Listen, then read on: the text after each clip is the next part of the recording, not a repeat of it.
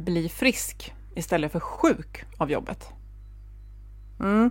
Stressrelaterad ohälsa är på rekordnivåer och enligt Arbetsmiljöverkets rapport i mars i år dör 700 personer varje år av just jobbrelaterad stress och det antalet det befaras öka. Ja, och det galna är, och det vet ni som har lyssnat på oss i flera år, det är att jobba, att göra någonting viktigt tillsammans i grunden, det är ju faktiskt hälsofrämjande. Alltså det kan vara det om vi jobbar på ett bra och hållbart sätt. Och det som får oss att må bra, precis som vår podd heter, det är ju också det som får verksamheten att gå bra. Mm. Och trots det så är det ju då tyvärr så många som mår dåligt, far illa på jobbet och gapet mellan att tycka att det här med välmående är viktigt och att sedan också veta hur man ska jobba med det, det är stort. Det visar bland annat studier från Deloitte. Mm. Och tillbaka till Arbetsmiljöverkets eh, sammanställning och rapport, och de pekar på att boven är hög arbetsbelastning. Ja, och det är lätt att tänka att ja, men det är ju att ha för mycket att göra. Eh, men det är inte riktigt så enkelt, man behöver gräva vidare. Och idag, då ska vi i ett första avsnitt, som jag tror vi kommer komma tillbaka till, eh, och fördjupa oss i, prata om vad som stressar och pressar och hur att fokusera på friskfaktorer, det är faktiskt en vinnande strategi både för hälsa och framgång.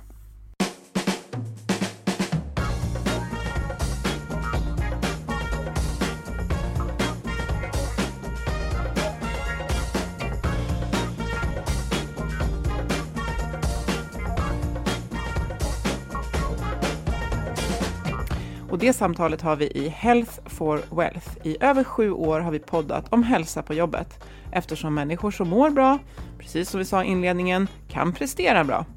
Mm. Och för att må bra behöver vi goda samarbeten, rätt resurser, handlingsutrymme och trygga ledare som har tid att leda. Mm och vi tar ett helhetsgrepp i den här podden på hälsan på jobbet. Och vi är Ann-Sofie Forsmark, hälsostrateg, ledarskapskonsult. Jag driver organisationen Oxigroup.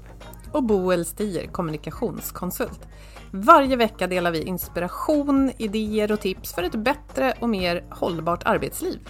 För dig som är chef, ledare, jobbar med HR och medarbetare såklart. Vår samarbetspartner Oxigroup har uppmärksammat att många verksamheter präglas av oroliga tider just nu. Och vi vet också att osäkerhet, otydlighet och oro, det är tre stycken on som vare sig gör verksamheten eller medarbetarna gott.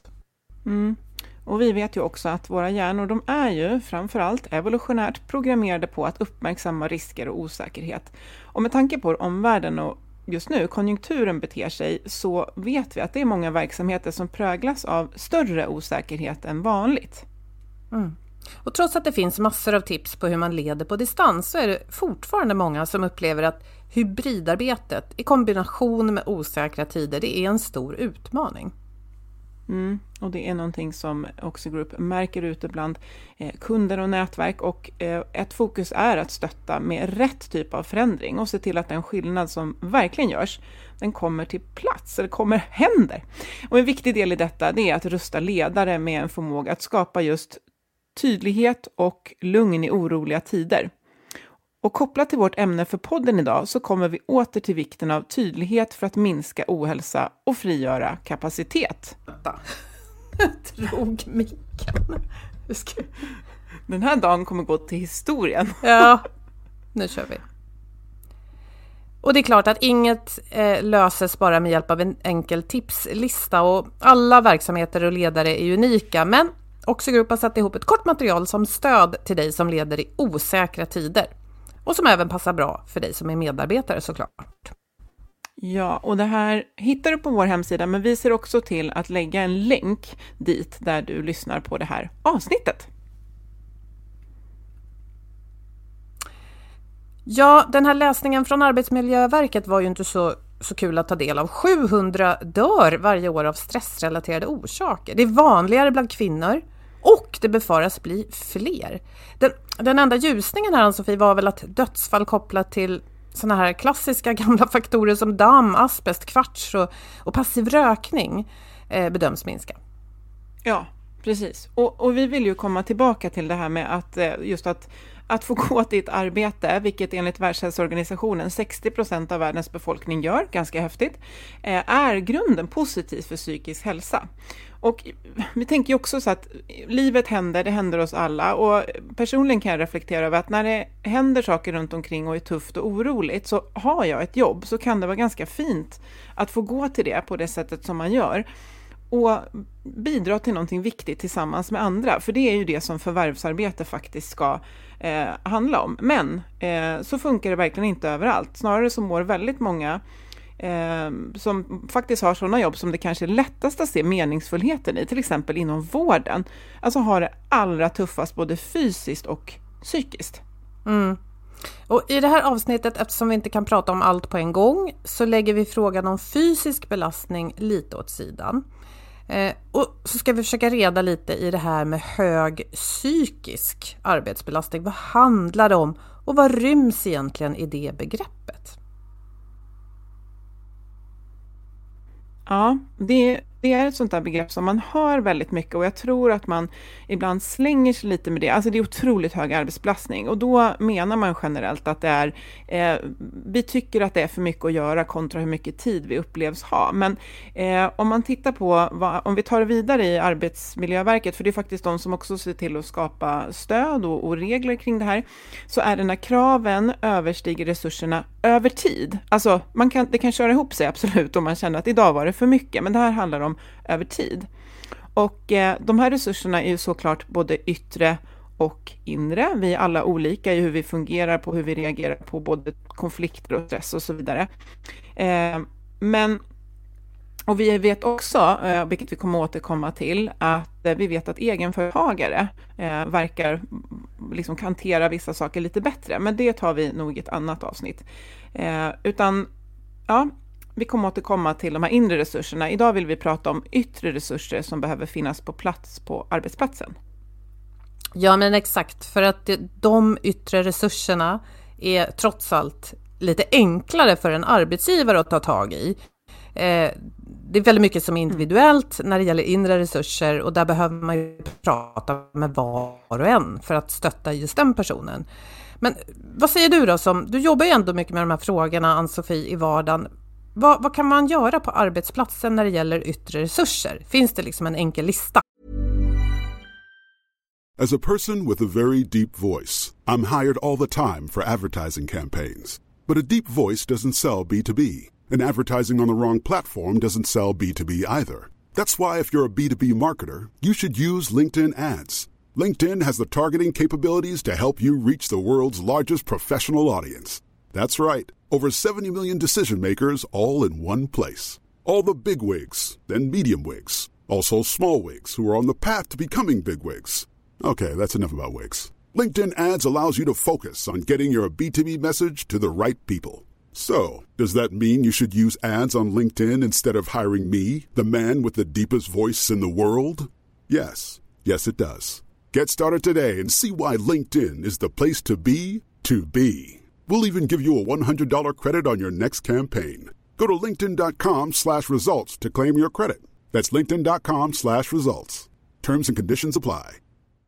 A lot can happen in the next three years. Like a chatbot may be your new best friend. But what won't change? Needing health insurance. United Healthcare Tri-Term Medical Plans are available for these changing times Underwritten by Golden Rule Insurance Company, they offer budget-friendly, flexible coverage for people who are in between jobs or missed open enrollment. The plans last nearly three years in some states, with access to a nationwide network of doctors and hospitals. So for whatever tomorrow brings, United Healthcare Tri-Term Medical Plans may be for you. Learn more at uh1.com.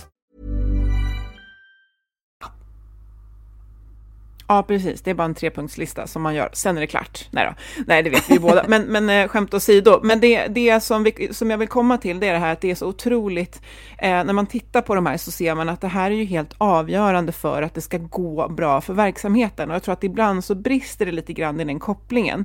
Därför att det Arbetsmiljöverket rekommenderar, det är ju att ha ett välfungerande systematiskt arbetsmiljöarbete. Och där har flera personer redan checkat ut och känner att det där eh, jobbar HR med. De gör den här skyddsronden, det där rör inte oss. Men i det som eh, kom med OSA eh, 2015 kolon 4. Och vad står OSA för? Års, Organisatorisk och social arbetsmiljö, alltså den första föreskriften som faktiskt talar till den här liksom, psykiska arbetsmiljön på ett väldigt bra sätt. Den kom, den kom ju faktiskt för sju år sedan nu. Eh, då, om man tittar på den, och vi kommer lägga en länk där, där ni kan få hjälp att inventera hur det är hos er, så ser man ju att jäklar i min låda, har vi det här på plats? Det är ju förutsättningar för att det ska gå riktigt bra. Och det är vare sig man är en vinstdrivande eller icke vinstdrivande organisation. Mm. Så jag tror att väldigt många så här, ja men det här ligger inom det systematiska arbetsmiljöarbetet. Och då känner man, ja ja, men de gör ju den där skyddsronden någon gång. Och här det, det, det är någon annan som tar ansvar ja. för det. Det där är inte mitt bord. Det blir tråkiga byråkratiska förkortningar. Är det så du tänker? Jag, jag, tror lite det. Jag tänker att den här behöver kanske på något sätt döpas om och få en lite mer affärsmässig eh, liksom paketering, för det är det om man, om man, eh, om man tittar på det. Ehm, att... Och det, det, kommer ju inte hända från Arbetsmiljöverket, för de, det är nog inte deras uppgift. Men vi kanske kan hjälpa till att göra det här tydligt. Och vad skulle du säga då? Vad är det för krav som behöver balanseras? Eh, alltså där kan man faktiskt låna de här rakt av, av det som Arbetsmiljöverket själva beskriver. Eh, och, och vi, vi, går igenom dem lite och, och, reflekterar kring dem. Och som sagt, vi kommer att beröra det här och sen kommer vi att, att djupa i det kommande avsnitt framåt. Men den första, delen är oklara förväntningar på arbetsinsats. Och det är ju en stor, vad säger man på svenska, burk med mask, can of worms. Bara den. Eh, därför att eh, det är, är det någonting som jag ser där ute så är det att otydlighet i förväntningar, och det är ju allt ifrån att vad är det exakt jag ska göra i min roll? Men du kan ju också uppleva att i, i det här mötet och samarbetet så är det lite oklart för mig vad du förväntar dig av mig. Alltså det är så mycket som präglas av otydlighet, för att inte tala om hybridarbetet, att vi har en uttalad eh, 51-49 eh, fördelning, men folk följer inte den och då blir det lite otydligt vad som faktiskt gäller och får man vara hemma eller inte? Alltså det finns otroligt mycket i vårt arbetsliv idag eftersom det är så mycket kontaktytor, mångfacetterat, eh, som gör att det bäddar för en enorm otydlighet som också mm. kommer med att vi har mer flexibilitet. Det är ju så, det är mycket som har en mm. framsida har en baksida. Just det, så om vi, ehm, om vi bara översätter det här till, vi kan väl översätta det här till att det här är problemområden som man behöver titta på. Eh, apropå då att vad är det för ja. resurser vi, eh, ja, innan man kommer till frågan om resurserna så kan man titta på, okej, okay, vad är det för typer av krav som folk får problem med? Kan vi säga så, Ann-Sofie? Ja. Mm. Ja, verkligen. Och eh, jag tog ju friheten att göra en högst ovetenskaplig eh, fråga på min, eh, på min Instagram, att vad är det som stressar och pressar dig på jobbet just nu? Och jag har lovat alla att de skulle få vara anonyma, men det var otydliga förväntningar, ingen feedback, mycket att göra i kombo med en uppgift som jag inte har gjort tidigare, otydliga riktlinjer, för många saker att vara ansvarig för, och ja, att vara ansvarig för någonting som jag egentligen inte har kompetens för. Alltså, men precis, det, är... det, låter ju som att det ofta mm. är otydlighet i förväntningar, som vi kallar den här första punkten. Mm. Men också i kombination med att jag har inte riktigt koll på hur det ska göras, ska gå till till exempel. Eller var går gränsen mellan mig och min kollega och sådana saker, mm. eller? Mm.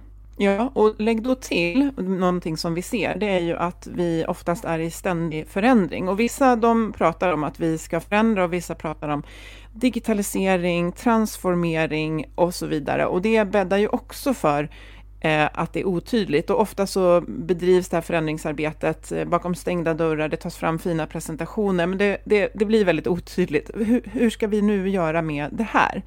Eh, så att det här är ju inte konstigt att det stressar och någonting som vi har tagit upp tidigare tror jag, och jag ofta lyfter, det är ju att om, om vi vill göra ett gott jobb så chansar vi ju inte och gör då för lite, utan då kanske vi chansar och gör lite extra, förbereder oss lite extra, tar på oss lite mm. extra för att täcka upp för osäkerheten. Det blir helt... Eh, så det blir, att, det blir ohållbart för att jag jobbar för mycket och sen så att sitta och oroa mig och undra över saker, vad ska hända nu? Det mm. gör mig också stressad. Men den här punkten är ju väldigt bra att börja med, då, tydlighet. Och här kan vi väl förtydliga för sakens skull att det är ju medarbetaren som sitter inne på svaret, eller på facit. huruvida saker är tydliga eller inte. Så oavsett om du som chef Yes. tycker att det är jättetydligt, om inte dina medarbetare tycker det, så är det inte det. Exakt, och då kommer vi in på att det behöver finnas en kultur. Jag eh, pratade med en eh, som hade fått ett jobb eh, och det var hans första dag och då berättade han så här, ja det är så fantastiskt för jag är i det här läget när jag kan ställa alla dumma frågor och jag sa snälla hjälp dina kollegor genom att aldrig sluta ställa citationstecken dumma frågor för att Mm. eh, det måste finnas en kultur där man säger förlåt, jag vet att allt står i den här fina presentationen, men jag förstår fortfarande inte exakt vad som gäller. Alltså det är det mest omtänksamma att våga dela det, men det kräver ju en sån, eh, en sån kultur. Men väldigt mycket löses av att jobba med den här punkten. Men om vi tittar på punkt två, eh, så handlar den om påfrestningar som genereras av hot och våldsrisker. Och då tänker jag på att det faktiskt senast häromdagen kom en, eller jag satt i alla fall och lyssnade på P1 som vanligt och då pratade man om hot mot ambulansförare Ambulans, som mm. får svår, ja, eh, och det blir ju väldigt konkret. Jag tänker också att jobba i eh, i butik eller bara liksom stå, jag tänker så här, om jag är 18 och har fått mitt första sommarjobb och står i en glasskiosk liksom och folk kommer och beter sig illa. Alltså det, eh, det är olika grader på det här, men, men självklart är ju det någonting som, att möta andra människor som är på eh, dåligt humör eller missnöjda med beslut. Jag jobbar med, mot veterinärer just nu, kan vara otroligt känsligt och behöva lämna besked. Det här är verkligen någonting att, att, att inventera. Hur stor risk är det här hos oss och vilka hos oss löper risk för det här och vilket stöd finns det då? Mm. Precis, och du kom ju nästan in på punkt tre där ehm, Ja, genom att du pratade om, om krävande kontakter, har vi kallat den här tredje punkten. Krävande kontakter med klienter, kunder, anhöriga och så vidare. ja. Och Så det behöver ju inte vara- Arbetsmiljö... Det jag tänkte det häftiga med Arbetsmiljöverket är att de, de, de täcker ju in alla. Alltså de, det här täcker ju in människor som jobbar inom hemtjänst likväl som ehm, jag som kanske är ehm, Ja, jag tänker när jag själv var juniorrevisor och jag hade någon kund där som inte ville, jag, hade ju lagen i ryggen liksom och så här måste man göra, men det vill inte jag. Men jaha, liksom, hur, vad får jag för stöd här och ta det här? Jag känner mig inte så kaxig, jag kanske har gjort fel. Liksom. Så att, det är så, och igen, det är så otroligt, Arbetsmiljöverket riktar sig mot alla verksamheter i Sverige och som ni hör själva, alltså kan ju varken jag eller Boel heller tala om vad som gäller hos er, men det här är ju det man, det här är de kraven som de ser som kan orsaka ohälsa som vi behöver inventera och stötta upp. Så. Mm. Och som sagt, ha och, och, alltså ha att göra med människor. Jag hörde det i någon annan podd som sa att har det att göra med människor så kommer det tids nog att uppstå någon typ av konflikt. Och det fina är om vi kan hålla den till att vi tycker olika om någonting snarare än att jag lackar ur på dig och går på dig som person. Exakt, men det är ju precis som du satte fingret på. Det här gäller ju alla som jobbar med människor och på, ja, med det sagt då, typ alla branscher. Så det gäller väl att inventera både hur, hur läget är internt men också i de externa kontakterna. Och, ja, återigen, Ja. hur upplever individerna det? För det är ju de som, det är deras upplevelse som styr så att säga. Men där kan man också stötta som chef och som grupp. Och verkligen, för vi kan ju försöka ta ett konkret ex exempel, men jag, jag tänker just att om eh, Alltså att liksom på, om man har kunder som kommer in och vill ha någonting. Jag tänker nu tar jag min ehm, lokala matbutik här. Att, eh, här, han är så otroligt tydlig att det är jag och mina medarbetare. Jag har de bästa medarbetarna och jag vill ta hand om dem. Eh, då blir jag påminn som kund någonstans att just det. Sådär. Och jag tänker också att man kan ju faktiskt ha att man kanske sitter i ett väntrum eh, och så här, vi- visste du att så här, vi möter så här många människor varje dag och eh, vi gör alltid vårt allra bästa och vi förstår om du är eh, upprörd, liksom, eh, och, och att, alltså kanske någonting så här, men vi, vi ber om största möjliga respekt för våra medarbetare som försöker att hjälpa, alltså att man kan verkligen i kommunicera på ett sätt som, som gör att jag i alla fall känner att jag kanske måste sitta i det här mötet med bara dig som är kund här och du beter dig otrevligt, men jag känner den här varma varma filten från mina kollegor och min grupp omkring mig och jag vet att på rasten sen så kommer jag kunna berätta att jag blev otrevligt bemött och jag får stöd. Men vi kan också, tycker jag, i många fall eh, faktiskt hjälpa till att få kunder att bete sig bättre och inte, ja, du hör jag går igång, jag satt på tåg häromdagen och en skällde ut konduktören. Hon hade ingenting att göra med att tåget var försenat. Hon gjorde bara sitt bästa för att försöka göra en trevlig stämning på tåget. Så jag önskar att jag hade klivit upp och sagt någonting. Men det där, oj vad jag kan känna igen mig i båda sidorna faktiskt. Självklart har vi alla blivit dåligt bemötta, men också i att man kanske inte har valt att sitta och vänta på en akut, eh, ja, vad heter det, akut enhet mm. och vara dålig eller ha, ha gjort sig illa. Man kanske inte har valt att eh, eh, man är tvungen att handla mat och ha jättebråttom hem och göra maten och det är jättelång kö. Alltså, det är klart att det är många sådana situationer som tar fram våra sämsta sidor, även Amen. hos mig. Oj, oj, mm. oj, vad jag kan känna liksom igen mig i varför man blir otrevlig. Men det mm. du sa nyss, att även på en livsmedelsbutik sådär, att det kanske inte bara handlar om att kolla här har vi våra liksom, extrapriser och här är de fräschaste grönsakerna, utan också eh, på något sätt med kommunikation i butiken som du verkade eh, ha hittat ett exempel på. Att, att visa, men vi månar om våra medarbetare. Mm. Är det lång kö så gör vi allt för att hjälpa dig, men snälla, var vänlig för då går allt enklare. Att vi kan behöva ja. påminnas om det. Mm, jag tänker att det kan vara lite så här lite stärkande på något sätt att så här, vet du vad, kunden har alltid, nej, vet du vad, vi är otroligt måna om att eh, våra medarbetare eh, ibland har rätt och vi vill stötta dem. Och, och jag, tänker just på det här, jag, eftersom jag jobbar just med veterinärer och jag tänkte att jag kanske sitter i ett väntrum och väntar orolig för min hunds hälsa och så läser jag så här, det kan hända att vi måste ge dig ett liksom, besked som du inte gillar och då hoppas vi att du kan förstå att eh, det här gör inte vi av ondo, våra medarbetare, ja, vet, vi, men jag tänker att den här är någonting att fundera på. Är det en verksamhet där vi möter, ja, det gör man, man möter andra människor, man möter kollegor. Och som du säger, hur skapar jag det här eh, som jag tycker alla behöver göra? Jag har haft en svindålig, det här har jag inte gjort själv idag kan jag känna, utan jag har läckt, jag har läckt mina känslor som ett såll rakt igenom på dig och Agneta, men eh, vi, vi har ju en trygg relation, men skulle jag in i ett kundmöte att jag säger, vänta nu, okej, okay, det här har hänt, hur ska jag förmå mig själv att lämna det här lite utanför? På ett balanserat sätt och säga att jag haft en ganska tuff morgon. Eh, jag ber om ursäkt att jag är lite ur balans. Eh, att liksom ta lite ansvar för våra tillstånd när vi går in och ut mm. i möten, för vi smittar så enormt. Jag eh, håller helt med dig och det du refererar till nu är ju att vi hade lite stökigt innan inspelningen med teknik, eh, framförallt för din del, Ann-Sofie. Och det är återigen så att herregud vad jag kan liksom eh, känna igen mig i känslan att man bara, varför händer det här mig? Jag blir galen. Men man kan ja. Man måste också försöka inte bara läcka och, och som du säger, då, har man en trygg mm. grupp och man känner varandra, då kan man liksom få svära och, och liksom ja. visa hur det egentligen känns. Men ibland får man hålla igen. Och det intressanta är att det här med teknikproblem, det får oss mm. ju in som en liten snygg brygga yep. till punkt nummer fyra. Krav som genereras ja. av komplexa IT-system. Där har vi lite ja. att brottas med. Ja, det var det härligt att den kom.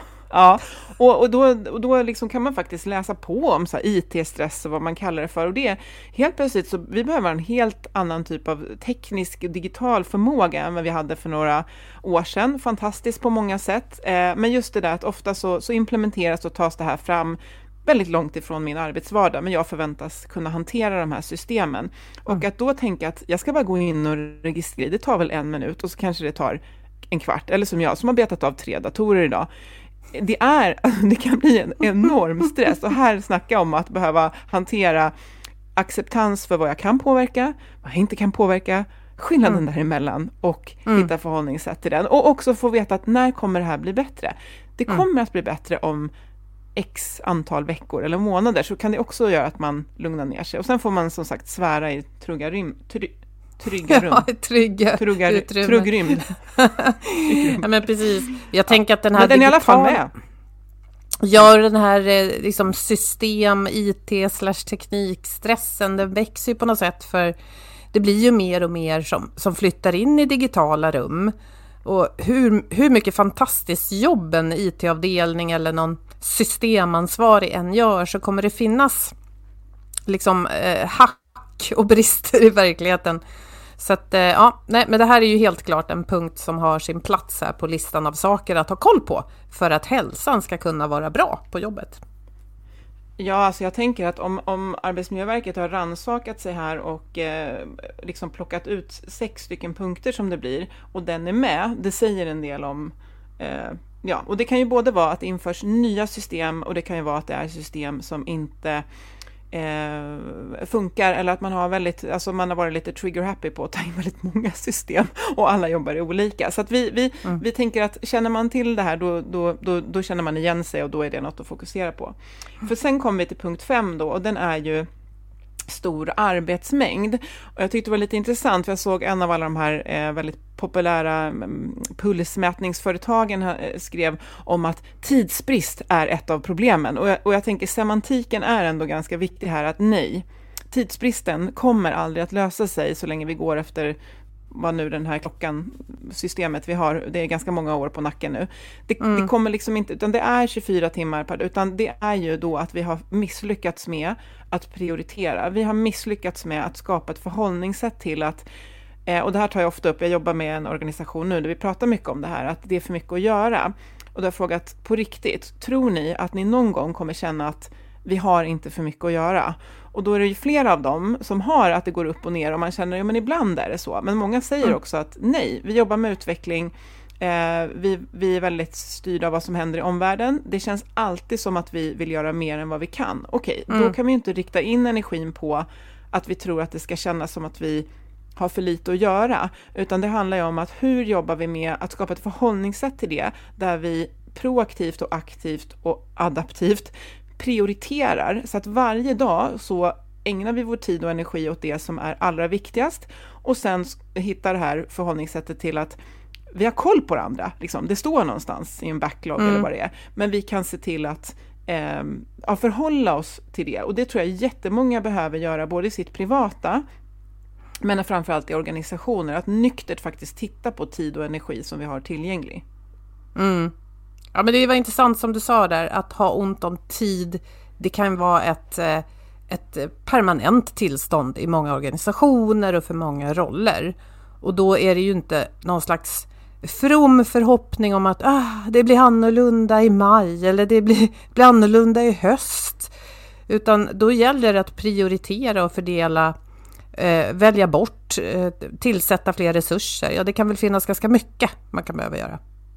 Ja men verkligen. Och jag tror att här är det jättemånga som behöver jobba mer nyktert och strukturerat. Att inte, alltså det är som en elefant som klampar runt i allas, eh, eh liksom att säga, jo men alltså man, man, men så här, på riktigt, så här, tro, tror vi att vi ska hinna med det här? Så här, ja, och så kanske man gör det därför att man förväntar sig att folk ska jobba väldigt mycket övertid, vilket man inte säger, utan det är bara subtilt så vet man bara det, att det här måste mm. vara klart på måndag. Och jag tänker så här, tänk om alla som hör det här, som upplever det här, skulle i sina cirklar och forum utmana, det kan vara till kund, det kan vara internt, att utmana och skjuta på en eller två deadlines kring någonting. Alltså mm. vilken magi som skulle kunna uppstå. För att eh, det är ett väldigt naivt eh, förhållningssätt, det har jag landat i själv. Jag kommer alltid vilja göra 71 fler grejer än vad jag har tid till.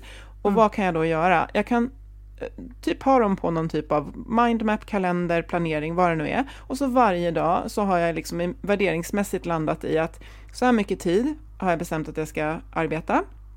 Och med den tiden idag så kommer det här bli det som jag prioriterar. Jättelyxigt mm. som egenföretagare, men jag önskar att när jag var konsult hade stått upp hårdare för det här och sagt att vet du vad, jag är anställd på heltid, inte på en och en halv tid. Det här tog längre tid igår. Eh, det betyder att jag har mindre tid idag. Hur mm. ska jag nu prioritera om så jag kan gå hem klockan fyra på fredag? Mm. Mm. Över en revolt. Ja, nej men verkligen så är det ju. Tiden är eh, ändlig. Det kommer den alltid att vara och vi behöver hjälpa varandra att prioritera. Och det är ju för hela organisationen så att vi håller över tid och så att rätt saker blir gjorda. Så ja. att vi kan gå hem och, ha energi kvar. Exakt, och det, det är två delar. Det ena är ju att faktiskt, eh, alltså faktiskt prioritera så att vi gör mindre, om man ska säga, men också att kunna mentalt vara trygg i det. Alltså att också vara, vara trygg i att, ja absolut, jag hann inte allting, men att också kunna vila i det, så att du inte bara gör mindre och sen har ett kanonstresspåslag över det. Och här är det ju väldigt mycket liksom, ledningsgrupp, ledare och medarbetare tillsammans som behöver göra det här. Det kan inte ligga på individ, men kanske är jag i en situation nu där jag faktiskt måste försöka rå om mig själv, för jag, mm. det, gruppen och organisationen jobbar inte på det här sättet ännu. Eh, men det här tror jag att det är någonting vi kommer komma tillbaka till. Eh, och så sexan då, Eh, ständiga förändringar, att det är någonting som skapar eh, bäddar för psykisk ohälsa och, och stress och krav. Och ständiga förändringar är krav. Eh, det är höga krav att det ständigt förändras och då igen så behöver man ju sortera i det gör när jag utbildar i förändringsledning, att det är, är det saker som händer runt omkring som påverkar oss? Eh, eller är det saker som händer runt omkring som inte påverkar oss? Det är första distinktionen. Men sen blir det också den förändringen som vi själva vill driva som organisation, eh, eller som kanske ledningsgruppen vill driva, men som jag inte riktigt har landat i och bara känner att det händer saker eh, hela tiden. Så att ehm, mm. vi pratar ju om att vi är i ständig förändring och om det då ehm, generellt upplevs som, som en utmaning. Om hjärnan tolkar det så är det mer sannolikt att man tänker att det här är jobbigt än jätteroligt när det inte är min mm. egen idé. Då mm. är ju det någonting att verkligen jobba med för att rusta för psykisk hälsa. Mm. Och det är ju tydligt att de här sex punkterna hänger ihop. För om det är mycket som förändras, ja. ja då kan man ju gissa att det blir mer otydlighet i alla fall under en period. Att det kan vara mer krävande att ha kontakt med både kollegor och kunder eftersom saker är lite liksom, det fluktuerar, det är inte klart, det är inte genomfört, vi vet inte hur allt funkar. Det kan ha att göra med eh, IT-system och det kan också innebära att arbetsmängden ökar, kanske för att de här förväntningarna eh, inte är så tydligt upp, eh, de är inte så tydligt formulerade och så tänker jag att oj, jag måste klara allt det här i det här nya. Så ja, ja det känns ju lite som att de vävs in i varandra. Ja, och det kan ju vara om man känner att oj vad mycket negativa saker det var. Eh, så är det också så att när man jobbar med dem, när man jobbar med dem så, så får man, kan man också få snurr, alltså man kan få snurr på på andra delar. Så att, eh, nu har vi målat en ganska svart bild här och, och tänker nästan faktiskt lämna er här, men eh, om man vänder på de här, alltså har vi tydliga förväntningar på vad som förväntas av oss och sen så stöttar vi dem som behöver möta Eh, människor av alla dess slag. Eh, och ja, precis, både vad gäller då hot och våldsrisker, att vi skapar en trygg miljö kring det. Eh, att vi eh, jobbar med att ha stöttande IT-system. Vi kanske inte kan fixa det i stunden, men vi är tydliga kring när det kommer att bli och det finns tid att ta, sätta sig in i dem. Eh, och sen att vi jobbar med att ja, vi kommer ju alltid vilja göra mer än vad vi har tid till, men vi jobbar stenhårt med att prioritera varje dag så att alla kan känna att wow, jag sitter med exakt rätt arbetsuppgift och jag kan släppa jobbet och återhämta mig som vi har forskning på gör att jag nästa dag känner större engagemang och kan gå in och göra mina tydliga arbetsuppgifter igen.